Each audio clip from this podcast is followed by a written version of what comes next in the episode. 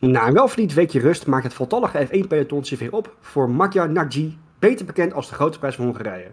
Deze Grand Prix staat bekend als de kartbaan van het Formule 1 seizoen, maar zorgt vaak toch wel voor erg leuke races. Gelukkig voor ons, vooral voor Daniel Ricciardo en ietsje minder voor Nick de Vries, is de afgelopen week ook wel eens genoeg gebeurd in Formule 1 land. Dus tijd voor ons om hierop terug te blikken en vooruit te kijken. We maken er een topshow van, we gaan direct van start met Studio Formule 1.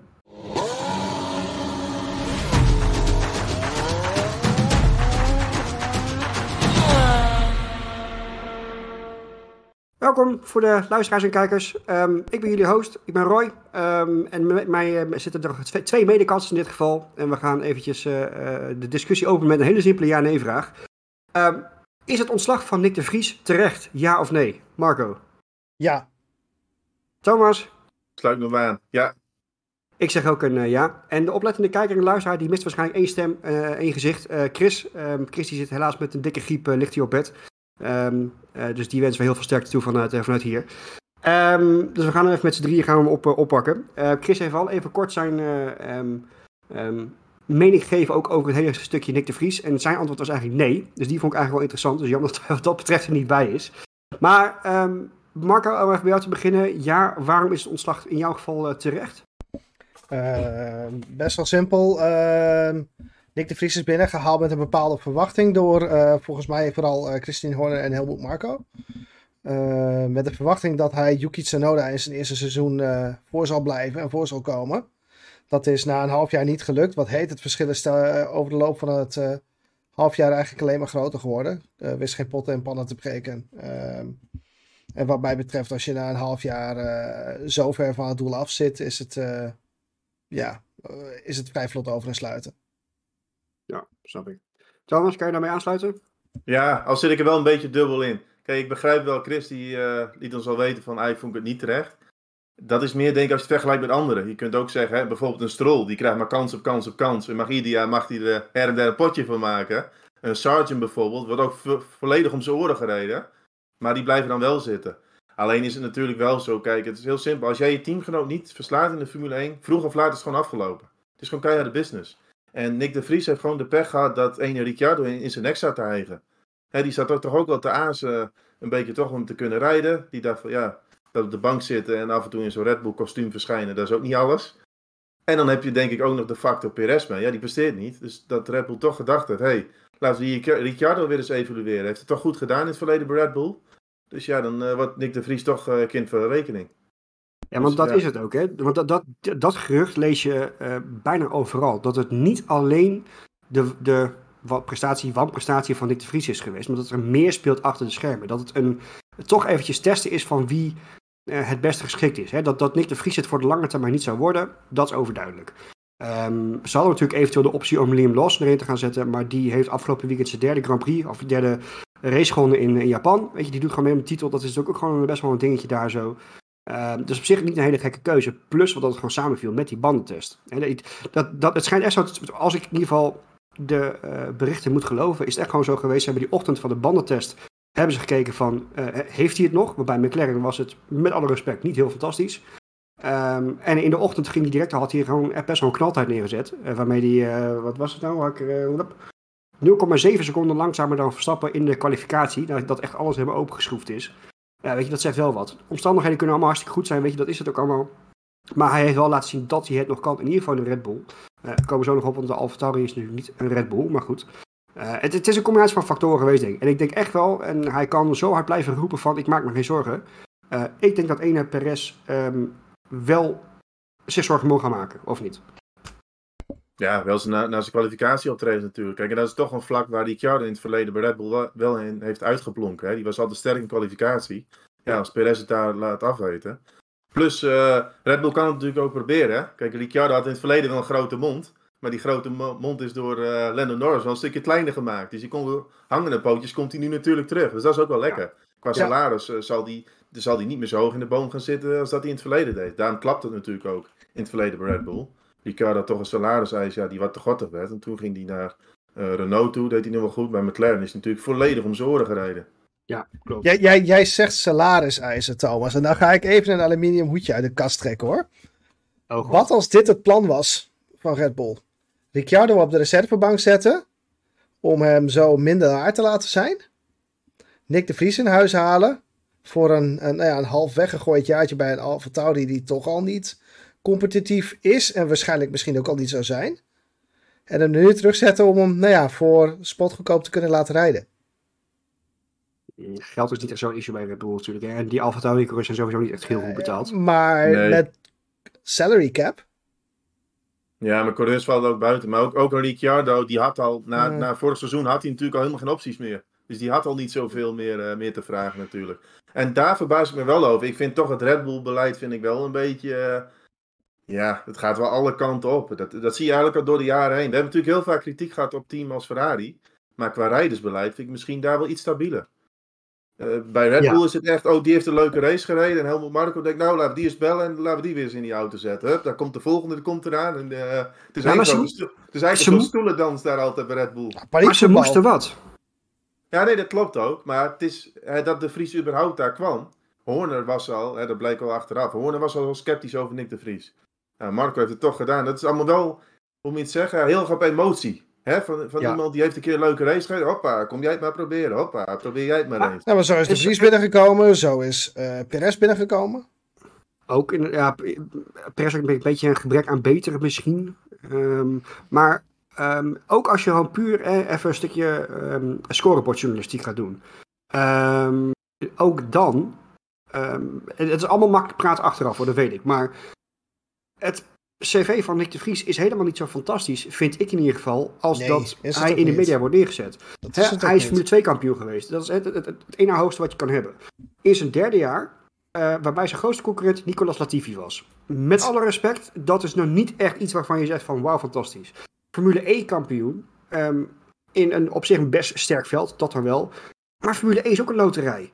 Weet je, dat, dat is één groot, groot ja, marketingspektakel. Ja, hoe je het maar wil noemen. Dat is ook niet, sorry dat ik het zo zeg, maar dat is ook niet echt racing wat dat betreft. Weet je, dus al- als je het alles met elkaar optelt, ja, de titels staan leuk. Maar het heeft wel allemaal veel te lang geduurd. Hij, hij debuteert op 28-jarige leeftijd. Weet je, dat is, klinkt Ah, heel raar, oud. Eerlijk is eerlijk. De, de, de, de voorgeschiedenis is in die zin ook niet zo heel erg belangrijk. Als we nou even kijken naar de voorgeschiedenis voor Formule 1, is Lance Stroll echt de beste sinds gesneden koek. Dat is, eh, dat is echt waar, maar die heeft echt een mega eh, cv opgebouwd voordat hij in de F1 kwam. Omdat hij bij Prema reed waar waarschijnlijk wat een en ander gesjoemeld is, is gezegd. Maar Ja, Ja, dat maar die, die, heeft wel een heleboel over. gewonnen. Ja. En die, die, die heeft ook wel tegen hele sterke rijders gereden. Is het ook wel kop en schouders boven uitgestoken. Nou, Nick de Vries heeft dat natuurlijk niet gedaan. En, en wat, je ook gelijk, eh, wat je ook zegt. Maar weet je wat dat ook wel een beetje is? D- Dit is zo kenmerkend aan Red Bull. Het is, ik- wat, wat dat betreft is het voor een rijder, als je geen Max Verstappen heeft, heet, is het best wel een vervelende club om voor te rijden. Ja, maar dat- dat is Eh, het is heel 1 snel te zeggen vanwege Max Verstappen, maar er is er gewoon niet ze op te hebben ook die bouwen. flexibiliteit om te doen, hè? Weet je, kijk, een Ja, team als Mercedes of Ferrari heeft die flexibiliteit ook niet heel erg. Hè, kijk, zoals, eh, pak even een voorbeeld als Alpine. Hè? Alpine heeft bijvoorbeeld Jack Doohan hebben ze als, als Mhm. reserve. Eh, op zich een prima coureur, maar zij hebben ook niet de ruimte om hem even in te laten stappen in een ju- junior team of zo. Dat kunnen ze hier natuurlijk wel doen. Dus eh, ze maken ook wel gebruik van de luxe die ze hebben in dat geval. En daarnaast, en niet om het zozeer goed te praten, maar je weet, als jij in het Red Bull concern instapt, dan weet jij wat er gevraagd wordt. Je weet hoe knijterhard Helmut Marco is. Dus om naar achteraf te gaan janken, even heel bot gezegd, is ook... Nee, nee, nee, nee, nee, dat wil ik ook niet zeggen. Dat- ik, het enige wat ik zeg is dat de verwachtingen niet helemaal ver zijn. En ik denk helemaal niet ten opzichte van een Nick de Vries. Nou, nou zegt er trouwens ook een heleboel over wat ze verwachten van eh Yuki Tsunoda. in zijn tweede seizoen, of derde seizoen. Maar toch. Nee, maar Tsunoda is ook niet de allerbeste sinds gesneden brood. Weet nee, je, maar dat je zegt een heleboel over het buurt kan niveau van Nick de Vries nu. Nee, maar ik Ja. denk dat dan, de scouting is denk ik dan niet op orde. Hè? Kijk, Ferrari en Mercedes doen dat ook wel. Die, die zetten een Russell, zetten ze bij weg bij Williams. Eh, Leclerc die is ooit bij Alfa weggezet. Nou, Schumacher bijvoorbeeld bij Haas. En dan ga je hè, na één jaar of twee jaar ga je kijken. Ben je goed genoeg naar het- voor het hoofdteam en anders ga je weg. En dat vind ik bij Red Bull dat ik wel denk van... Hé, hey, het gaat wel een beetje van hak op de tak met sommige Ja, nou rijders. precies. Maar het is heel Ja. simpel. Als jij in de Formule 1 komt, Nick de Vries, daar hebben we het net over gehad, cv is best prima. Het is ook wel een prima rijder. En tuurlijk, hè, er wordt door sommigen in Nederland gezegd, je moet hem meer tijd geven, de auto is slecht. Tuurlijk, de auto is ook slecht. Alleen, goede rijders, die laten al heel snel iets speciaals zien. Als je door de geschiedenis heen kijkt, een Hamilton in zijn rookie seizoen, die stond direct al. Schumacher bij zijn debuut ooit in Spa, nou, dat was één weekend, wist iedereen al, supertalent. Verstappen, Dus de, als je echt iets speciaals hebt, dan sta je direct in je eerste weekend sta je er al. En dan heb je niet een heel seizoen nodig. Hij is redelijk, maar niet speciaal. En dan vliegen er vroeg of laat vliegen er weer uit. Maar wat gaan we dus- heel veel geld achter je hebben. 15, 14 van de 20 coureurs zijn niet speciaal. Die rijden er ook al, al een paar jaar.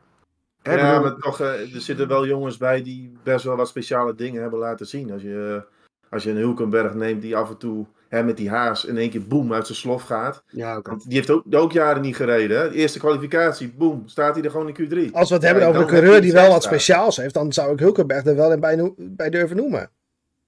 Die, die, die, die, die kan echt een auto parkeren op een plek waar die niet hoort. Ja, maar Het af en toe. Ja, maar goed, dat, Ja. is, dat is goed. Nick de Vries parkeerde die auto of in de muur of, eh, Ja, Iets- iets de gearbox van, eh, van, van Magnussen.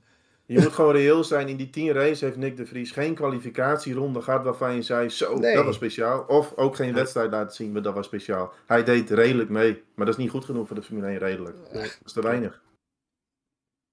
Dan kunnen we wel even een ander aluminium hoedje opzetten. Misschien, misschien is het wel tactiek geweest van Toto Wolff. hebben, ze hem, even- hebben ze hem even laten integreren zo bij Red Bull?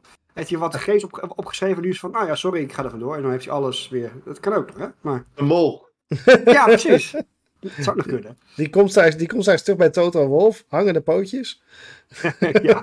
Nou, maar zonder grappen. Ik weet niet of hij nog wel onder Mercedes valt. Maar volgens mij heeft hij ook voor zijn overige carrière. Heeft hij nu best wel. eh, Of een probleem zal misschien een groot woord zijn. Maar Ja, Toto heeft, heeft zijn managementbureau natuurlijk ook. Eh, en misschien, misschien dat hij toch die contacten weer aanboort om eh, weer richting Formule I te gaan of eh, endurance racerij. Kijk, er zijn ook natuurlijk heel veel wegen na, naast de Formule 1. Hè. Het blijft ook wel leuk. Ik denk niet de Vries dat ook heel dubbel is. Hij moet eh, heel blij zijn dat hij überhaupt eh, toch in de Formule 1 heeft kunnen rijden. Kunnen heel weinig mensen zeggen. Er zijn Is heel ook veel die het, die het geprobeerd hebben. Ja, en helaas eh, niet goed genoeg. Maar er zijn nog heel veel andere. eh, in de endurance zijn tegenwoordig heel veel kansen met, met hypercars natuurlijk. En ja, misschien terug. We, moeten 1. niet doen alsof zijn hele carrière voorbij is. Nee. hij heeft, hij heeft ook IndyCar getest vorig jaar. Dat, ging schijnbaar hartstikke goed. Wat ik heb gelezen in ieder geval. Weet je, de, de- de- dat is inderdaad ook wel weer zo hoor. Maar eh, dit, heeft, dit heeft natuurlijk hem niet goed gedaan. Hè. We eerlijk wezen, dit is niet. eh, maar je moet er wel doorheen kunnen kijken naar, tussen, naar de situatie. Ehm om eventjes toch naar dan zijn vervanger te gaan. Ehm, iedereen is, is, als ik in ieder geval ook de online reacties lees, iedereen is helemaal door het dolle heen dat Daniel Ricciardo terug is.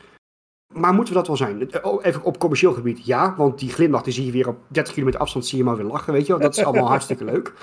Ehm, maar moeten we er wel zo blij mee zijn? Oprechte vraag. Ja, hij heeft toch wel dingen in het verleden laten zien dat hij eh, zeker wel wat kan toevoegen aan de Formule 1. En ik zie hem bijvoorbeeld liever bij. Als hij dat oude niveau kan halen van zijn Red Bull tijdperk, en ook bij Renault was hij best wel sterk. Als hij dat weer kan, dan zie ik hem liever rijden dan een Perez. Want dat vind, vind ik gewoon qua snelheid altijd tekortschieten. Ja. Maar aan de andere kant, ja. Ik denk dat het voor, voor Ricciardo ook nog wel lastig wordt. Want Ricciardo is altijd bekend. Dat was ook een beetje het probleem bij McLaren. Die, was, die voorkant was heel eh, onvoorspelbaar.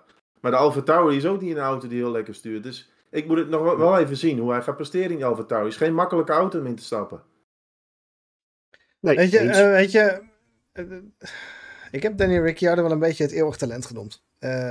Niet dat niet iedereen het mee eens geweest, maar de- toch wel een beetje eh, hoe hij mij altijd over heeft doen komen. Nooit, nooit het succes geboekt wat hij had moeten boeken. het is geen WK-materiaal. Eh, terwijl het eigenlijk heel lang gezegd is dat het wel het geval zou zijn.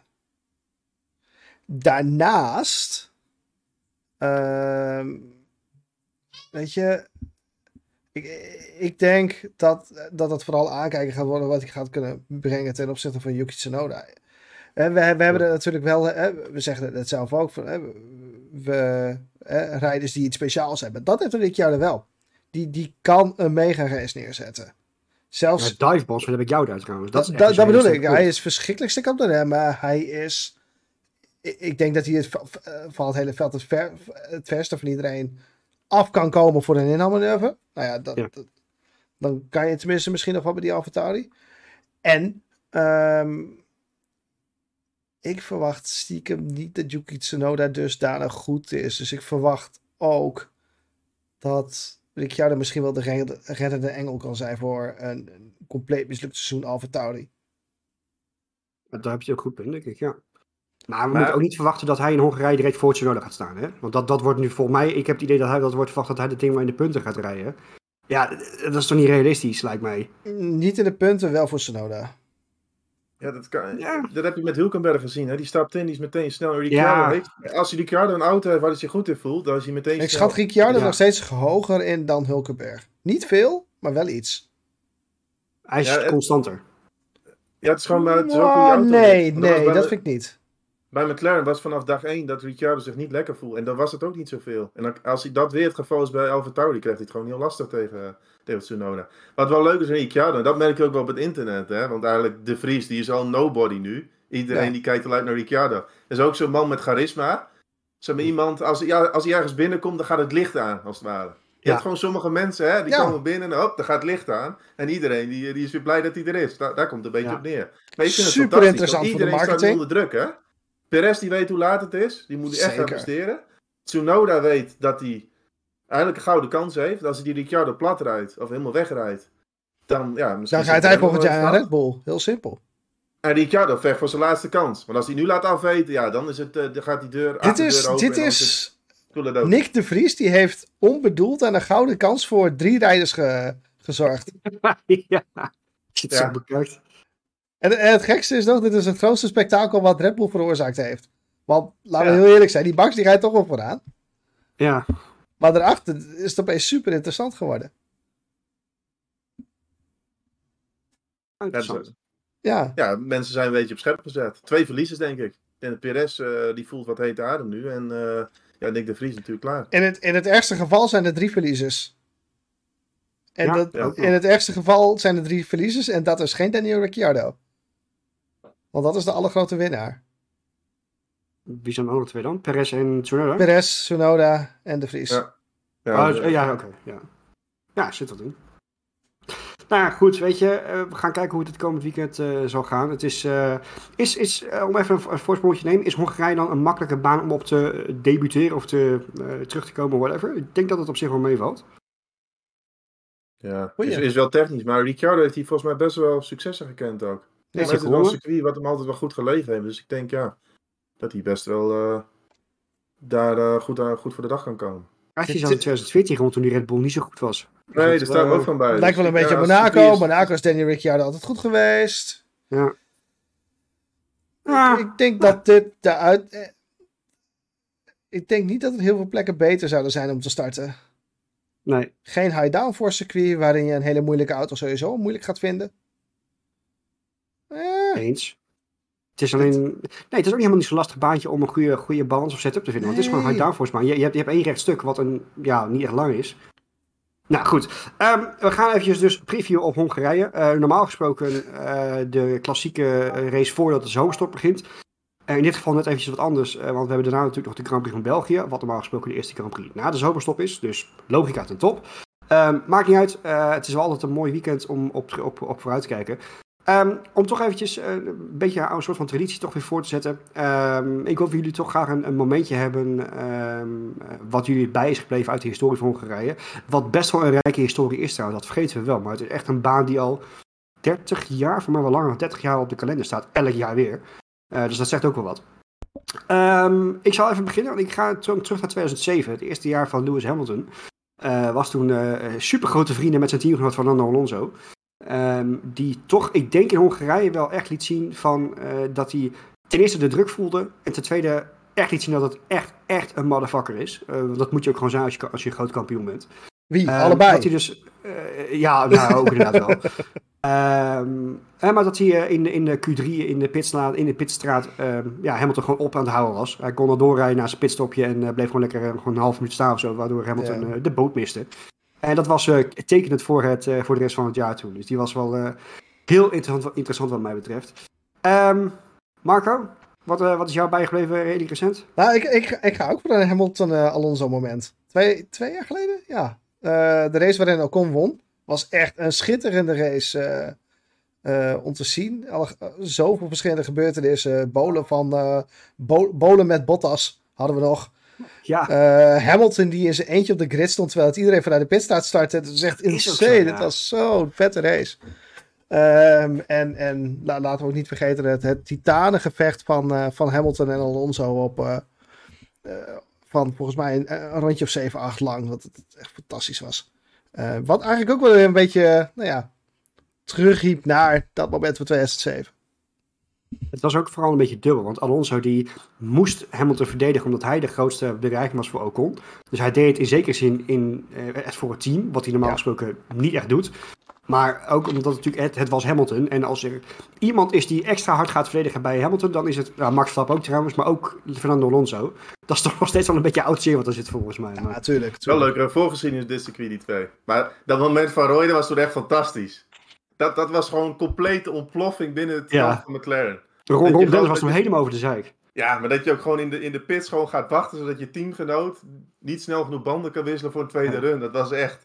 Dat, dat mis je nu eigenlijk. Want nu heb je... dat, is dat was perfect. Je had, je, had, je had twee mensen die, die konden elkaar niet luchten. Dat was echt... Dat was fantastisch. Ja, zeker. Ja, absoluut. En jij, Thomas? Ja, ik ga even wat verder uh, terug in de tijd. En uh, jongere kijkers die zullen denken van, waar heb jij het over? Ik ga naar 1997. En dat behoeft wel een beetje, een beetje uitleg. Daar vond die middag op de Hongaren bijna echt een sprookje plaats. Damon Hill was namelijk in 1996 kampioen geworden bij Williams. Ja. Kon, ja, kwam er niet uit met de, met de teamleiding en maakte een overstap naar Arrows. Nou, dat kun je nu vergelijken alsof Verstappen volgend jaar voor Williams gaat rijden. Arrows was een achterhoede team. Arrows was, was helemaal, helemaal niks. Het eerste weekend uh, kon hij zich nauwelijks kwalificeren. Vier seconden langzamer. Maar toen kwam het weekend de Hongaro-ding.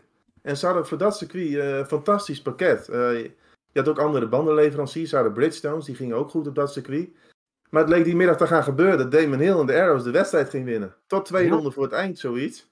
Toen viel die stil en het ging allemaal rook op. Het sprookje viel in duigen.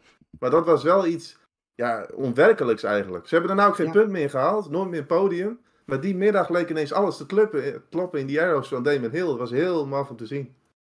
Wat gek dat er zo'n ondergewaardeerde race eigenlijk. Want da daar lees je dus ook vrij weinig over. Nee, maar er zijn heel veel wel gekke, gekke winnaars hebben we ook gehad. Hè? En Ocon natuurlijk en een Button. En die zeggen altijd Mickey, Mickey Mouse baan en al. Maar er gebeurt ja. best wel veel uh, ja, leuke races altijd nou, wel. Dat is op, op papier is het een, een dramatische baan te race eigenlijk. En dat, dat, als je, het zijn allemaal low speed, medium speed bochten. Met één rechtstuk waar je op zich wel uit kan remmen dan. Ja, maar het, weer, het weer zorgt vaak best, best wel wat gaas. Want het regent best wel vaak. En ook soms echt een half circuit.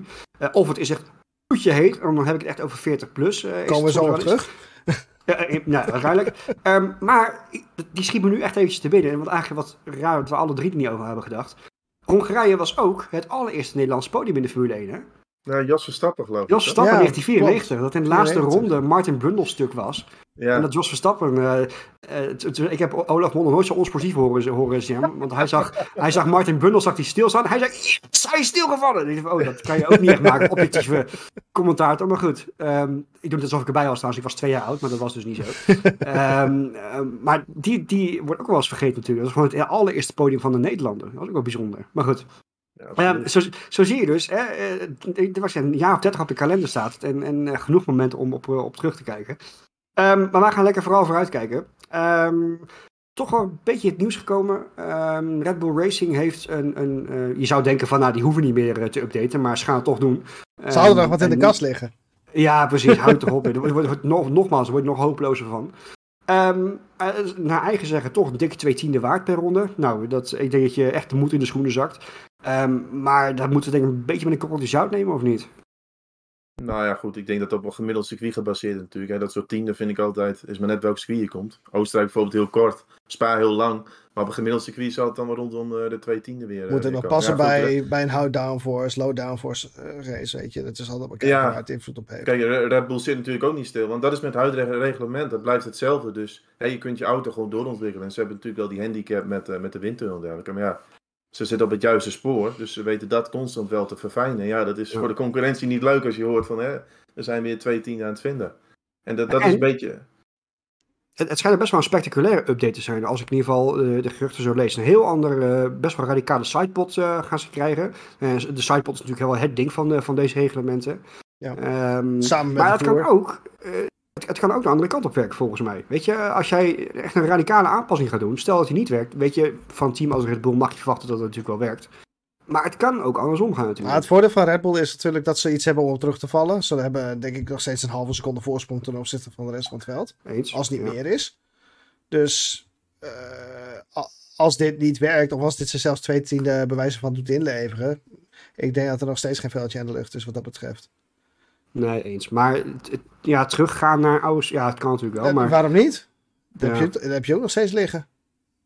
Maar dat denk ik. En weet je, laten we niet vergeten, ook al uh, eindigt Red Bull straks veel meer in de strijd voor plek 1, plek 2. Uh, ik zou me niet kunnen voorstellen dat het gaat gebeuren. Wie gaat Red Bull nog wat doen? Volgens mij kan Max Verstappen elke race tweede of derde worden, wordt hij nog steeds wereldkampioen.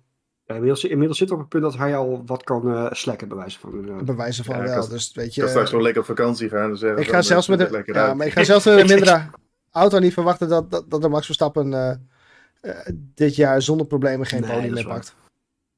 Ja, en het is natuurlijk die reeks, hè? Gaat, gaan ze die doorzetten? Want ze staan nu, nu staat de teller eh 11 overwinningen, is Elf, toch? ja. Op rij. Volgens mij wel, ja. ja. Ja. Ja, het record eh, stond destijds in, volgens mij 88 was dat, met McLaren. Eh, Dat was dan wel ja, klopt. natuurlijk in éénzelfde seizoen. Maar goed, dat, weet je, dat soort records, ja, die gaan nu een beetje natuurlijk eh, spelen. Hè? Van kan Red Bull eh, dat overnemen. En dat zie je ook wel de, de dominantie van die auto. Want we hadden natuurlijk altijd wat vergeleken. Het was de meest dominante auto. Maar dat vind ik heel lastig eh, altijd te zeggen. Want Mercedes had in zijn jaren dat je zei van hè, bepaalde circuits is het verschil wel een seconde. Dat heeft Red Bull niet. Maar Red Bull heeft wel eigenlijk een soort eh, basis. Dat ze net op ieder circuit zijn ze eigenlijk net 2, 3 tienden Ja. constant sneller. En als je dan een Verstappen hebt die geen fouten maakt, plus de betrouwbaarheid. Ja, dan...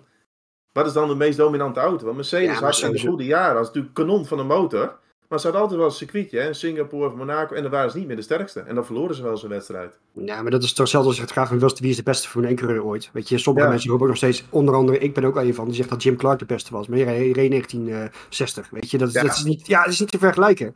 Nee, eh, en de, de McLaren van 88 die jij noemt, ja, die was ook voor die, voor, vooral voor die tijd bizar betrouwbaar ook. Klopt. Weet je, dat, Ja. dat is, dus je kan het moeilijk vergelijken, maar weet je, je kan ook niet ontkennen, ze hebben gewoon hun huiswerk mega goed gedaan. En juist inderdaad, als je het ook gaat vergelijken met de Mercedes van het begin hybride tijdperk, die hadden gewoon zwakke punten. Verkeer was een heel zwak punt van die auto. ja. Dat heeft, in ieder geval Max Stappen heeft dat in ieder geval niet. Ja, Perez trouwens ook al af en toe we reden makkelijk door het veld heen.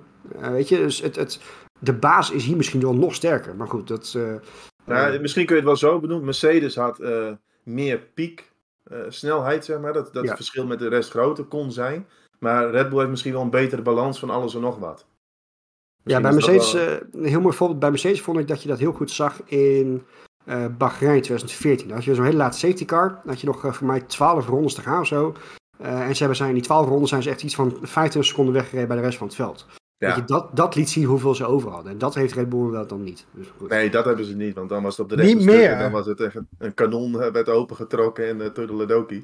Ja, daarom. Ah, maar je zegt niet meer, te, eh, Marco, maar eh, zo heftig is Ja, het mij nooit geweest. eh, nou, eerste kwart van het seizoen. Denk het wel. Ja, misschien. Ik ja. denk dat ze echt nog een beetje ingehouden hebben. Echt waar. Ja, dat is altijd de vraag, hè? Zijn ze aan het sandbacken geweest of niet? Ja, maar in, Ja. in de race, kijk, op een gegeven moment kom je in de race natuurlijk op een punt, hè, dan, dan kun je toch wel wat sparen. Zoals de, we hebben eens een boordradio gehoord van dat ze bepaalde settings eh, en de motor even konden veranderen. Ja. Ja. Dan zul je nooit helemaal tot het gaatje gaan. Alleen het is niet zo dat ze zo even het hele veld op een ronde rijden. Dat is natuurlijk, eh, Ja. nee, dat is nonsens. Klopt. Ehm, wat wel eventjes een, een, echt een onderbelicht puntje is ge- voor komend weekend, ehm, is toch het nieuwe kwalificatie, maar niet het nieuwe kwalificatieformat, want het format blijft natuurlijk hetzelfde, gewoon met Q1, 2 en 3. Ehm, maar iets wat natuurlijk in eh, eh, Imola, Emilia, Romagna eh, geïntroduceerd zou worden, maar wat eh, letterlijk en eh, figuurlijk in het water is gevallen, zijn de verplichte bandencompounds voor de kwalificatie. Ehm, voor de mensen die het misschien niet hebben meegekregen, komend weekend gaan ze eh, echt introduceren dat we in Q1 eh, verplicht op alleen maar harde band mogen rijden. In Q2 op de medium en Q3 op de soft. Ehm, op zich wel interessant om daar een eerlijk speelveld mee te creëren. Want sommige auto's gaan ook gewoon beter op een andere compound. Weet je, dat, dat, dat zie je in races ook. Ehm, verwachten we echt heel veel verschuiving of andere bijzonderheden? Of zal het meevallen? Ik denk dat het mee gaat vallen. Ik zit even te denken, zijn er bepaalde teams die, die erop berucht, berucht zijn dat ze op een hardere compound beter meegaan? Maar Ja, er zijn Nou, een aantal teams die de banden beter op kunnen warmen. En dan Ja, met een hoe hardere meer compound. gewoon. downforce je hebt, hoe beter je een compound ook kunt opwarmen. Hè? Ja, Dus nee, dat. harder de band is eigenlijk voor de topteams, zou ik zeggen, is beter. Ik vind persoonlijk helemaal niks, eerlijk gezegd. Nee. Weet je, voor mij is, voor mij is kwalificeren, eh, dat sluit me bij Max Verstappen aan, die, die vond het ook helemaal niks, eh las ik al. Eh, voor mij is kwalificeren gewoon, hop, dus zachte banden erop, lege tank en eh, maximaal knallen met dat spel. En voor mij hoef je niet met een harde band, een medium en een soft eh, te experimenteren. Maar dat is, dat is persoonlijk dan. Dus. Maar goed, we gaan natuurlijk kijken hoe dat, hoe dat uitpakt. Maar ja, ik weet het niet. Ik vind het wel een beetje... Het, doel, het doel is dat er over de loop van het weekend minder banden gebruikt worden. Het zal beter voor het milieu zijn. Ja, weet je, hè, we weten hoe belangrijk, hoe belangrijk het milieu op het moment gevonden wordt. Ook voor een, eh, nou ja, s- een slurpende sport als Formule 1. Dus ja, daar valt wat voor te zeggen. Ehm, ja, ik, ik weet het niet. Ik denk aan het begin van, uh, van, van Q1 dat we heel snel gaan zien of, of het echt grote verschillen op gaat leveren. Juist in Q3 ga je het niet zien. Um, nee, klopt. Misschien dat een Mercedes hier misschien in Q2 minder, dit minder leuk vindt. Te dus Een van de teams waarvan ik een beetje... Ja, zou nog kunnen. Ik denk dat Williams gaat echt problemen hebben om in ieder geval Albon uit Q1 te krijgen hoor. Ja, dat, ja dat, dat, daar zeg je ook wel wat. En, maar daarnaast, die gaat waarschijnlijk ook dus wel, uh, volgens mij zei het ook uh, toen we het aan voorschrikken waren, Marco, dat er ook best wel teams zijn die gewoon zeggen van ja, eh, simulaties wijzen uit, het wordt gewoon één lange run eigenlijk in Q1. Nou, Q1 gaat sowieso een lange run uh, worden, omdat die banden er toch niet aan gaan. Dat, dat, dat ga je, raar. Ja, maar ja, ja. Ja, daar ben ik het niet zo voorstander van. Kijk, de harde band, dat hebben we wel vaker gezien. Daar kan je een paar ronden op rijden. Voor mij is kwalificeren gewoon de, pit, de box uit. Volle bakken ronden knallen. En dan uh, nog een setje nieuwe slof halen en weer knallen. Ja, vroeger zagen we nog in die, in die 1 uur kwalificatie dat mensen gewoon langere runs aan het doen waren. Puur om dat ze hun tijd konden verbeteren. Ik, ja, ik, ik ben denk ik een van de weinigen die het huidige kwalificatiemodel nog steeds denkt dat het, dat het leuker en beter kan. Ik, ik ben, ja, dus ik vind een, een beetje verandering en een beetje vernieuwing vind ik op zich ook niet erg. Dat is zeker een punt. Weet je, eh, experimenteren is helemaal niet erg. Daar ben ik ook blij, want volgens mij is het ook maar één keer. En in Monza doen ze het weer, dacht ik, hè? Dat ze weer gaan ja, proberen. Ja, klopt. Weet je, maar, maar, maar uh, uh, mij lijkt het heel erg vet dat we een one-shot gaan doen. Bijvoorbeeld. Ja, ik ben ook Kijk, we hoeven niet per se terug naar één uur lange kwalificatie. Want ik kan me ook wel voorstellen, dat is ook niet echt meer wat het was. Maar ik vind het huidige model, weet niet. Het levert ergens wel een beetje spanning op, maar het heeft ook wel weer zijn nadelen. Stel iemand zit, hem, zit op een gegeven moment de muur en krijg je al die rode vlaggen toestanden. Weet je, dat verpest ook een heleboel. Natuurlijk vind ik het leuk dat dat Weet je, de andere kant is rode vlag, uh, hele krit overhoop, vind ik ook grappig. Maar het is, heeft minder te maken met de pure snelheid. Zet gewoon, zet gewoon elke rijder uh, in omgekeerde volgorde van, van, van kampioenschapstijd. Eén achtereen op de grid en laat ze maar eens gaan rijden. Gewoon gas geven. Dan zit je weer met het weer, bijvoorbeeld. Ja, ja, dat, ja nou ja, maar goed, weet je... ja, weet ik niet. Ik... binnen, binnen, een half uur ben je, binnen een half uur ben je klaar, wat dat betreft. Ja, en, we gaan gewoon we, kijken je, hoe dit uitpakt. En op zondagavond dan uh, stel die vraag nog eens. En dan gaan we eens kijken hoe we het ervaren hebben. Roy zegt trouwens het weer. Maar goed, als je kijkt in het wielrennen heb je het ook. Morgen is een uh, tijdrit in de Tour. Maar als het trouwens wisselende weersomstandigheden zijn, ja, dan moet je het maar mee doen. Weet je, het kan twee kanten op. Ja, eens, eens. Um, nog even voordat we naar het weer gaan, Meteor Marco, bereid er maar vast mee voor. Um, even aanhaken op jouw pet. McLaren uh, hebben natuurlijk een gigantisch, fantastisch weekend gehad in Silverstone. Um, zouden ook, maar ook een update doorgaan voeren, maar dit is natuurlijk een compleet andere baan dan Silverstone. verwachten we ze toch wel weer vooraan, zal tegenvallen? Ik uh, ben ervan overtuigd dat ze gaan winnen. Of uh, gaan winnen. ik denk het tweede, derde beste team gaan zijn. Net als vorige week. Maar dat wordt wel heel interessant. Want een circuit als Hongaro, denk ik, zo in het verleden, zeg eerder in het seizoen, zodat voor McLaren, denk ik, een minder circuit zijn. toch wat langzamere bochten. Want dat zag je wel op Silverstone, als je dan een beetje de data bekeek. In de snelle bochten deden ze nauwelijks onder voor McLaren. Dat was wel interessant te zien. Maar ja, dan kom je op Hongaro, ding. Toch wat langzamer. Uh, ja, dus wat zachtere banden. Dus ik ben wel benieuwd. Ik denk dat dit voor McLaren wel een beetje een graadmeter is. Waar staan ze nu? Ja. Uh, laat ze weer hetzelfde zien als Silverstone. Dan kun je, wel, dan kun je echt zeggen van die, die upgrade, die heeft wonderen verricht. Ja, dus ik denk om McLaren in de gaten. Ik denk zelf dat het iets lastiger wordt. Hè, puur vanwege eerder in het seizoen. Maar ja, we hebben nog niet gezien met het nieuwe upgrade pakket. wat ze op zo'n langzamere circuit zouden kunnen. als ze hier niet hard genoeg gaan, dan, dan maakt het op zich niet uit. Want vergelijkbare circuits als uh, Hongarije gaan we ook niet echt meer krijgen. Nee, het heeft, heeft ook bepaalde bochten met een lange radius. Dat zie je ook niet heel veel. Normaal gesproken zou je Ze zeggen, een, een, auto als de Aston Martin, die zou hier wat beter moeten gaan. McLaren iets minder. Dus dat, ja, dat, wordt, dat wordt dan heel interessant om te zien of dat inderdaad uh, uitkomt. Maar zoals Hongarije, best wel een paar hele snelle bochten ook. Het wordt altijd neergezet als hè, Monaco zonder muren, maar er zitten toch best ook wel wat snelle bochten in. Zeker ook in de middensector. Ja, eens. Oké, um, ik zei net al wat weer. Oh, sorry, ja, ga verder. Ja, nog een reactie op onze podcast uh, vorige keer. Uh, van Flora Verluipen. Die zei van, uh, ja, Mercedes ook gigantisch het onderpresteren. Want ja, in het begin van het seizoen dan krijg je dan de Aston Martin wat ervoor zit. En nu krijgen ze McLaren door. En dat is natuurlijk ook voor mij wel een beetje de reden dat Red Bull ook zo dominant is. Dat Mercedes en Ferrari zijn het onderpresteren eigenlijk. Hè, die horen eigenlijk veel dichterbij te zitten. En tuurlijk, van McLaren, dat zie je wel. Dat ze staan te juichen als ze tweede, tweede of derde worden natuurlijk. Ja. En voor Mercedes is het niet goed genoeg. En die worden eigenlijk gewoon door twee ja, eh zusterteams dan, dan verslagen. Dus dat is ook een beetje voor mij zoiets van...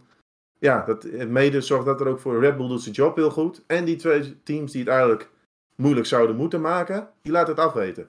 En het, het is ook wisselvallig. Hè? Het ene, de ene weekend is het ene team, de andere weekend is het andere team weer. Het, het wisselt elkaar ook steeds af. Dus het is ook niet dat ze een continue concurrentie hebben vanuit één team. Dus dat helpt natuurlijk ook niet. Nee, dan wordt het puntenverschil natuurlijk heel groot. hè. En dat maakt het ook wel leuk. Je hebt eigenlijk McLaren, Aston Martin, Ferrari, Mercedes. Ja, die vechten eigenlijk een beetje om die andere podiumplaatsen achter Max. Ja, en soms Perez als hij eh, goed kwalificeert.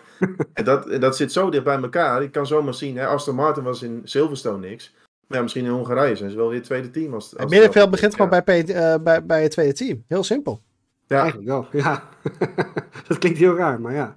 ja, en een Alpine, hè, die bijvoorbeeld in Monaco wel eens wat laten zien. Die kan er ook zo af en toe een keer tussen fietsen. Dus dat, ja, dat Ja. wordt wel leuk.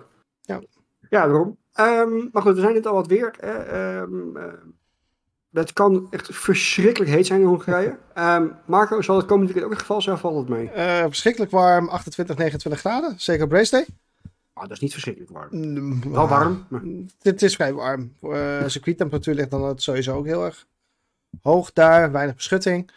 Ehm, en vrijdag, zaterdag wisselvallig. Zal nog wel eens weer een buitje kunnen vallen tijdens de kwalificatie. Oké, dan ga ik daar even mijn voorspelling op aanpassen. Ehm, maar wat wel interessant is, als het inderdaad wel wat aan de warmere kant is, ehm Pirelli neemt de zachtste drie compounds mee die ze hebben. Eh, dat kan er nog wel eens hard gaan in de zin van slijtage natuurlijk. Dus dat kan best wel een interessante wedstrijd nog opleveren dan. Twee, twee, twee stopper, sowieso. Het zou wel mooi zijn, minimaal. Mi- Ja, Minimaal daar staat wel bekend om. Ja, zeker. Ook Best, best wel dat. een bandenvreter eh, zijn op zijn tijd. Maar ik ben ook wel benieuwd, want natuurlijk de zachtste banden, maar ja, die compound is vanaf Silverstone natuurlijk wat, eh, ja, wat, wat stugger geworden, wat, wat stabieler. En in Silverstone Ja, maar de dat compound zelf toch niet? Het is vooral de, de, de, de, de band Karkas. zelf, toch? Het karkas. Ja, het karkas is inderdaad wat, wat stijver geworden, waardoor die, ja, de houdbaarheid weer iets beter zou moeten worden. Dus ik ben Ja. wel benieuwd. Hongarije, Hongarije is normaal gesproken echt wel een, eh, ja, een bandenvreter. Dus dan gaan we ook zien hoe die nieuwe compounds zich daar houden. Ja, zeker. Oké, we gaan er wat van maken met een eh, top 3. ja, we hebben niet heel, niet heel veel mensen momenteel. Maar eh, ehm, Thomas, doe eens gek. Wat verwacht jij van komend weekend? Nou, ik doe niet zo gek eh, eerlijk gezegd. Ik heb mijn AI er weer bijgepakt. En die zegt Ah, nee, voor komend weekend, die zegt eh, Verstappen winst. Ja, daar had ik met mijn blote hoofd eh, had ik dat ook wel eh, kunnen doen. zeg mijn hersenen ook. Hoeft die AI niet voor te gebruiken. Maar nee, tweede eh, wordt Alonso en derde Hamilton. Oké. En Ricciardo die, eh, die gaat heel goed debuteren. Die eh, pakt de P11. Is dat heel... Ja, dat is op zich voor een auto, auto Vol- is dat ja. goed natuurlijk. Ja, oké. in dit seizoen, eh, maar de Vries zijn nog va- vaak als laatste. Dus dat is goed eh, progressie, zou ik zeggen. Pijnlijk, pijnlijk. Oké, ehm, Marco? Ja, eh Max Verstappen gaat winnen. Ik denk dat we daar eh, geen discussie meer over hoeven te voeren eh, voor de rest van het jaar. Ehm, ja, sorry. Eh, tweede plek Hamilton, derde plek Norris. Oké. En Ricciardo? Hij gaat het aantal punten wat AlphaTauri nu heeft evenagen. P9. Mega debuut. Oh ja, Mega debuut. Oké, interessant. Ehm, aangezien, eh, ik vind het wel interessant dat jullie allebei Perez niet noemen. En ik ga daar ook inderdaad wel in mee, mede omdat er zaterdag ook wel weer wat chaos wordt voorspeld. Ehm, Wie is Perez? Ja, echt hè. Verstappen gaat winnen. Ehm, Alonso tweede en Piastri derde. Hij krijgt zijn revanche. We gaan gewoon eens, eh, ik zou, zou ik wel gaaf vinden. En eh, ik ben schijnbaar de enige die niet, niet zoveel van Ricciardo verwacht. Hij wordt veertiende. dus. Dat, eh, eh, ik hoop dat ik ongelijk heb wederom, maar we gaan het zien. Ik denk als die voorspelling van Marco uitkomt dat hij negende wordt, dat gooit eh, Nick de Vries in de televisie uit het raam. Jeetje, Mina zeg. Nou, oké. ik. Ja, of juist niet. van Dat ik denk van ja, ze hebben ook gelijk gehad ook. Ja, dat zou, dat zou nog kunnen. ja. Nog even, eventjes een, een, een- Is de nabrand nog niet helemaal nabranden? Even terug op waar we het eerst over hadden. Ehm, over de ontslag van Nick de Vries. Het schijnt, en het is niet echt bevestigd, maar het schijnt dat Alexander Albon ook benaderd is om eh, misschien toch terug te keren. Ehm, hij heeft het afgewezen. eh, wat ik echt super gaaf vind, wat betekent ook echt dat hij ontzettend lekker op zijn plek zit bij Williams. Eh, waar die, dat, dat zie je ook gewoon alles. Dat hij er echt, hij is daar de man. En Williams gaat gewoon lekker. Maar dat vond ik wel heel interessant om te lezen als het zo is als het wordt, wordt, in de pers wordt gegooid. Maar een aanbod om terug te keren bij Red Bull, als je die gewoon weigert. Ja, wordt, wordt ook wel genoemd bij Ferrari natuurlijk. Dus ik Ja. vind Van Albon ook wel wijs. Blijf even zitten waar je zit. Kijk even waar eh, de Ja. interesse vandaan komt en dan je keuze maken. Je moet niet zo midden in het seizoen eh, ineens allemaal dingen gaan doen. denk ik. In, in Ja, tegenstelling tot Red Bull eh, speelt Albon geen paniekvoetbal in elk geval. Nee, precies. Ik denk dat een hele-. Nee, maar wat Thomas zegt, ik denk dat het een hele slimme keuze is. Ik, Albon speelt zichzelf wel een eh, heel mooi seizoen eh, aardig in de kijkers. Ja. Eh, die laat super mooie dingen zien in die, eh, in die Williams. Nou, Ferrari is inderdaad eh, eh, lichtjes geïnteresseerd. Ik denk dat dat een hele mooie optie is. Zeker nu Sainz niet heel erg, Ja. niet heel erg super gaan presteren is. Leclerc overigens ook niet trouwens. Dus misschien dat er een, een, een wissel aanstaande kan zijn. Misschien niet dit jaar, misschien volgend jaar. Ja, Sainz wordt heel gelinkt aan Audi ook. Kijk, en dat is natuurlijk wel een interessante dat factor. is wel dan- heel, heel interessant, ja. zich. Ja. Maar goed, die, eh, die, die was ik eventjes nog vergeten erin te gooien, maar die vond ik wel heel interessant. Eh, ja, nee, snap ik. Ik denk dat wij eh, de Grand Prix van Hongarije inmiddels wel eh, hebben, ge- hebben ge- gedekt. Ehm, hebben wij eh, voor nu over de Hongarije of iets anders? Hebben we nog een nabrandertje? Nou, je ziet momenteel in de media natuurlijk eh, over Viaplay een hele hoop paniek. Het is alweer even geleden dat we het erover hebben gehad. Ja, dat ik denk van eh, nabrander, ik gooi er nu even in. Ik lees niet zo van de media, maar daar worden wel wat voorbarige conclusies getrokken, denk ik. Want dat met Viaplay niet goed gaat, is duidelijk. Die beurskoers die zakt iedere dag eh, ja, verder weg. Tot hij natuurlijk weer bij nul komt. Maar goed. Eh, nee, dat hoeft niet direct te betekenen dat de hele activiteiten in Nederland natuurlijk gestopt worden. Want verliezen was er voornamelijk mee de, ja, de boten in zijn gegaan, of gaan. Dat is natuurlijk voorna- voornamelijk Scandinavië. Ja, waar ze het lang allemaal niet, niet terugverdienen.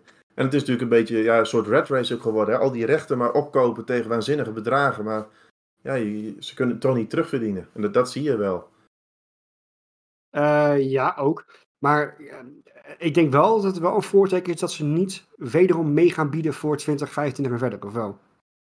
Nee, ja, kijk, als op een gegeven moment ook de gelden gewoon op zijn, ja, dan, dan heb je ook geen geld meer om te bieden. En ja, dan, dan zal natuurlijk afwachten zijn in wat voor vorm ze überhaupt eh, eh, verder gaan. Ja, ik denk dat ze gewoon, gewoon enorm verkeken hebben in de hele streamingmarkt in het algemeen. We zijn al verzadigd, weet je, dat is het probleem. Je hebt zoveel services heb je al. En dat zijn allemaal grote namen, weet je. En Amazon, Netflix, Disney, eh, eh, HBO. Ehm, eh, dat zijn allemaal echt hele grote namen die vanaf het begin af aan al, en dit hebben we ook al vaak genoemd, vanaf het begin af aan hebben zij een heel mooi groot aanbod. Viaplay, we hebben het allemaal volgens mij wel even een tijdje gehad, hebben behalve sport, hebben ze niks. Ja, ze hebben series, maar waar had Ja, iemand van heeft Maar gehoord? daar zijn ze ook achter gekomen, want de series die ze in de pijplijn hadden, zijn ze mee gestopt geloof Ja, precies. Ja, Ja, weet je, weet je, dan snap je er niet zoveel van. Wat ze heel goed in Nederland hebben, is dat Formule 1. Ja. En daar had je gewoon veel meer moeten concentreren. Alles, alles erbij, daar zijn al een Netflix voor, een Amazon, weet je. daarom. Daar ga je het verschil niet op maken. Ja, maar goed, weet je, ze konden ook totaal niet concurreren met F1 TV. Nee, Hoe dat- gaat dat die is 16 natuurlijk euro in de maand? Eh, even heel heel veel snel uitgerekend, mensen- bijna 180 euro. Weet je, ik denk dat de meeste mensen nog steeds in, in Nederland Viaplay nemen om het gemak en eh, het, gewoon, het feit dat het lekker Nederlands is. Wat ik op zich kan begrijpen. Maar iedereen die een beetje technisch onderlegd is, eh, zeker goed Engels kan, eh, of gewoon handig is met apparatuur, die kiest F1-TV. Die kiest gewoon voor zijn eigen portemonnee. Weet je, het, Ja, het, en het simpel. verschil wordt ook gewoon steeds groter. Kijk, aan het begin van het seizoen hadden ze nog een, een aanbieding, of er was nog 11 of 12 euro volgens mij. Maar inmiddels is het 17? Ja, 15, 16 toch? Ja, dus Ja, het nu, is- nu denk ik dat het bedrag op zich, kijk als je in Engeland kijkt wat, wat je voor een Sky betaalt, dat is echt, dan is het peanuts.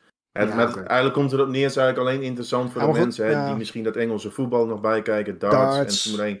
Dan valt het nou, vanaf verhouding de prijs wel mee. Maar Ja. ja, je ziet ook in die Scandinavische markt, en dat ze geloof ik 60 euro voor zo'n heel pakket en alles. Ja, weet je, dat, dat wordt op een gegeven moment te god. En zeker met de inflatie, ja, dan gaan mensen toch hand op de knip en dan, eh, ja. dan verdienen ze het gewoon niet terug. Plus ze hebben, als je ook het bod wat ze gedaan natuurlijk in Formule 1 in Nederland ook, was volgens mij wel 10 miljoen hoger dan wat Ziggo had. Dus ze zitten ook Ja. gigantisch En, hoog eh, eh, met biedingen. Het helpt, Ja, ook niet, het helpt denk ik ook niet mee dat, dat, dat het F1-seizoen op dit moment helemaal niet zo spannend meer is. Mensen Nee, haken af. Ja, goed punt. Goed punt. Ja, want dan met die biedingen, volgens mij, als ik het goed begrijp, is het een, een gesloten veiling. Of hoe noem je dat? Een, een, eh, in ieder geval, jij weet niks van, jij doet één bod en Ja. dat is het. Zo was Ja. het, hè? Ja, klopt. Dus Dat is wel hebben mooi, hè? Ik weet nog in de tijd voor Verstappen was bijna niemand in geïnteresseerd. En nu wil in één keer iedereen wil Formule 1 recht hebben. Ja. Maar dat gaat wel inter- interessant worden natuurlijk. Hè. Gaat zich ook terugkrijgen? Gaan we weer een nieuwe aanbieder krijgen? Of eh, zijn er weer andere partijen? ja. Met elke vijf minuten reclame, heerlijk. Ja, die tijd hebben we natuurlijk ook gehad. Dat je constant reclameblokken voor je neus eh, kreeg. Ook dat trouwens, hè, eh, ehm, ook dat soort dingen hebben ze gewoon hun eigen belofte zijn ze ook niet nagekomen. Hè? Het was een reclamevrije race. Nou, elke race staat er inmiddels zo'n uh, Carlos ding boven in beeld of zo, weet je wel. Of, of, eh, dat hebben ze ook niet meer. Het, het is, het is, ze komen hun eigen dingen gewoon, gewoon niet na. En dat helpt natuurlijk ook niet. Hè, nog steeds we- schuld bij de, bij de kijker. Eh, ja, dat ook. En, in het begin, eh, toen, toen, toen ze kwamen te starten, 720p in plaats van 1080p. Weet je, het, is kwa- het kwa- 1080p maar een hele lage bitrate. Dat ziet er nog steeds niet uit. de kwaliteit is echt verschrikkelijk. Ja, weet je, het, het, het is zo zonde. Ze graven zo'n eigen graf. Terwijl ze seconden er zoiets moois van maken. Maar Maar dit hebben we eigenlijk vaker gezien. We hebben ooit, eh, ik heb dat ook wel eerder aangehad. Je had ooit Sport 7, hè? die kwam ook met een hoop bla bla, allemaal recht te kopen. Nou, dat was binnen een half jaar was dat al eh, Ja. klaar volgens mij. Dus we hebben het in de geschiedenis al vaker gezien. Hè? Heel ambitieus alles en eh ook biedingen. Maar terugverdienen is wel even een tweede. Dat is allemaal niet zo makkelijk in de tv-wereld, in de streaming. zeker niet. Ja, klopt. Nou, weet je, dat zal zich in de komende tijd verder gaan eh, eh, vervolgen en oppoppen en hoe het dan op. Maar eh, ehm, Thomas, speciaal voor jou nog even een nabrandetje. Eh, we weten dat jij echt een groot fan bent van straatraces. Ehm, er is afgelopen week aangekondigd dat er waarschijnlijk nog twee bij komen. Speciaal voor jou. Ehm, Ja. Al is het maar de vraag wat er van gaat komen trouwens. Ik kreeg tranen in mijn ogen toen ik dat, dat las. Ja, ging je telefoon al het raam eh, naar 90% straatrace. Nee, Ja. weet je, daar zit ik helemaal niet op te wachten, dat, dat soort dingen. Ik, ik vind, eh, Wat ga je dan doen? Ga je wat anders kijken? Ja, daar komt het wel op neer. Maar ja, goed, IndyCar is bijna hetzelfde. Maar daar komt het bijna, ja... Nee, ik, ik vind echt permanente circuits, dat vind ik het allerleukste. En af en toe een keer een straatrace. Maar we moeten niet helemaal eh, doodgegooid worden met straatcircuits in de Formule 1. Ja, Ik Wat, wat, zou, wat zou erbij komen? Madrid en Nice, geloof mij ik? zin. Dat de, de, de president van Frankrijk, die, mist- die heeft natuurlijk aangegeven van joh, dat er geen Franse Grand Prix is, is gewoon jammer. Nou, Paul Ricard was eh, eh, nou, vreselijk. Eh, en op zich, eh, alles dan, ja, ik weet dat jij het er niet mee eens bent Marco, maar... Nou, het, eh, het, kan, Ricard- het kan beter. ja, er is een kan- layout die beter is daar. Maar ja, dat wel, ja. detail natuurlijk. Uh, Ja, is ook niet meer eh, eh, wat het ooit geweest is. Nee, maar het was wel een mooi baantje, maar goed. Verschrikkelijk Eh, mooi nee, er is een straatrace in Nice heeft hij het over gehad, inderdaad, en en een straatrace in Madrid. Eh, die van Madrid is best wel ambitieus trouwens, op zich, weet je. Maar dat heb je met zoveel wedstrijden. Ook de, de, de Grand Prix in, in Londen was ook zo'n zo'n zo'n prachtig parcours eh, dat ze hadden, hadden neergezet. Eh, is er ook nooit van gekomen. New York, idem dito. Weet je, ik moet het nog maar zien hoor. Gelukkig hebben we Las. Vegas. Ja, nou, ook En zo- Jeddah. Ook, ja, maar dat zijn wel echt. Jeddah ook, dat is gewoon. Dat spreekt zo tot de verbeelding met hoe achterlijk hard ze daar gaan, weet je wel. Ehm, dat Ja. is heel wat anders dan. En, en, en Baku misschien idem dito. Baku, natuurlijk, het eerste jaar was, ook gewoon heel slecht. Maar heeft, is uiteindelijk ook gewoon uitgegroeid tot een leuk baantje waar leuk geraced wordt. Je moet het niet. eh, Elke stad heeft in, in de wereld heeft inmiddels denk ik wel gehad over een straatrace voor de familie. Ja, maar ik, ik, begin een beetje te, ik, ik begin een beetje te denken van... gaan ze nu gewoon heel veel straten, circuits... gaan ze nou proberen om te kijken wat nou echt leuk is? Ja, dat idee ga ik wel krijgen op een gegeven moment inderdaad. Want dan, Ja, maar dan het gaan zijn, gewoon hippe steden natuurlijk. En Madrid is gigantisch. En ja, die willen gewoon zulke grote evenementen naartoe halen. En daar zit een goed verdienmodel op. Dat is Ja. commercieel gewoon interessant. Maar ja, ik vind het wel jammer als we straks bijna... dat je Ja, maar het is 80 een beetje waar we mensen- dat we naartoe gaan. Zo'n circuit is veel duurder in onderhoud. Kan, eh, verdient bijna geen geld. Nee, Volgens mij voor de meeste circuits ben je een verliespost. Kijk, zo'n Ja. zo'n zo'n stad als Madrid of Monaco of noem, hè, noem het maar op. Voor, voor peanuts zet je even een weekend de, de, de stad af. Kwak je een paar van die tennistribunes neer en klaar is Kees. Weet je, en, en alles eromheen. dat heel makkelijk klinken, maar... Ja, nee, wat je tuurlijk. bedoelt. Jawel, maar natuurlijk, dat is ook zo. Maar ver- vergelijk het even met een circuit waar alles al staat, waar alles onderhouden moet worden, hoeveel geld het op moet hoesten. Een stad Ja. kan veel makkelijker geld ophoesten eh, dan een circuit het op dit moment kan. Ja. en terugverdienen hè. In, in, in een stad... en nee, maar stad als terugverdienen is er niet aan. Laten we eerlijk zijn. Zoveel hotels, je hebt een groot vliegveld. Dus de bereikbaarheid Ja, maar dat is het. Een stad verdient eraan terug. Dus die kan het ook gaan betalen. Een circuit beheert geen hotels. Nee. Ik, ik, zie, Nee, ik zie mogelijkheden trouwens, maar moet je wel genoeg geld hebben om dat te doen. Nee, maar dat, dat is het gewoon. Is het ook hoor. En, dat, en op zich, dat, dat is het ook het hele ding. Het is heel begrijpelijk dat dit gebeurt. Het is heel begrijpelijk dat er over gesproken wordt dat ze er steeds meer komen. Maar ik stap Thomas volledig. Het is, Ja, nee, tuurlijk, ik ook. eh, voor, voor, niet misschien vooral voor de ouderwetse kijker, is, is, zijn permanente circuits gewoon zoveel mooier over het algemeen. de plaatjes van Singapore en ook de plaatjes van Las Vegas worden fantastisch. We hebben nu die, uh, die, die sfeer in uh, Las Vegas, die is nu in up and running. Nou, wat, wat ze daar voor beelden optoveren. Ik zou trouwens dood vinden dat je in één keer uh, s'nachts wakker wordt dat je zo'n groot oog op je uh, kamer hebt gericht of zo. Maar dat. um, nee, maar ik, ik, weet je, ik snap de angst. Um, we gaan zien hoe het, hoe het gaat uh, ontpoppen. Maar dit, ik, ik, denk niet dat er een Grand Prix van Madrid en een Grand Prix van Nice gaat komen hoor. Dat die, Als ze willen straks toe naar, naar, naar een roulatie van, ah, wat was het? Volgens mij 32 circuits of zo. Waarbij je dan acht gerouleerd worden. Ja, dat je dan 24, 24 per seizoen, maar dan een roulatie van een hele grote groep circuits. Ja, zolang ze maar niet meer dan 24 van gaan maken, want dan ga je echt helemaal kapot aan uh, daar als je eraan werkt, denk ik. Maar nee, maar dat hebben ze nu ook wel aangegeven, dat dit wel een beetje de grens is uh, ja. waar we nu op zitten te ja, werken. Dus dat, ja, dat, dat, is wel goed, denk ik. Ja, daarom. Laten we het hopen. Goed, ook dat zal, zal, eh, zal vervolgd worden. Um, laatst na, brand, na brandertje, voordat we echt gaan af, afronden, uh, meer vanuit mijn kant. Ik heb afgelopen weekend, uh, nou, met tranen in de ogen groot woord trouwens, maar het was fantastisch om te zien. Um, een van mijn helden, Valentino Rossi, heeft gewonnen op vier wielen voor het eerst. Uh, in ieder geval voor het eerst echt. Hij heeft op Le Mans natuurlijk gewonnen, maar dat was een klasse met vooral heel veel tandartsen die volgens mij meereden. Um, um, of mensen met heel veel geld in ieder geval. Maar hij heeft nu echt het wereldkampioenschap GT-race, want zo moeten we het denk ik wel een klein beetje zien. Uh, heeft hij gewoon de Grand Prix, uh, of de, de race op Misano gewonnen. Op zijn circuit ook. Ach, zijn circuit, ja, hij heeft heel veel successen geboekt. Met Maxime Martin in de BMW. Dat was een heel gaaf uh, gezicht om te zien. En ik vind het gewoon mooi om te zien. Ook als je wat dieper gaat kijken, dat hij um, echt gewoon echt snel is. Hè. In, zijn, in zijn stint reed hij gewoon weg bij de rest van het veld. En de rest van het veld was geen, we zijn echt koekenbakkers.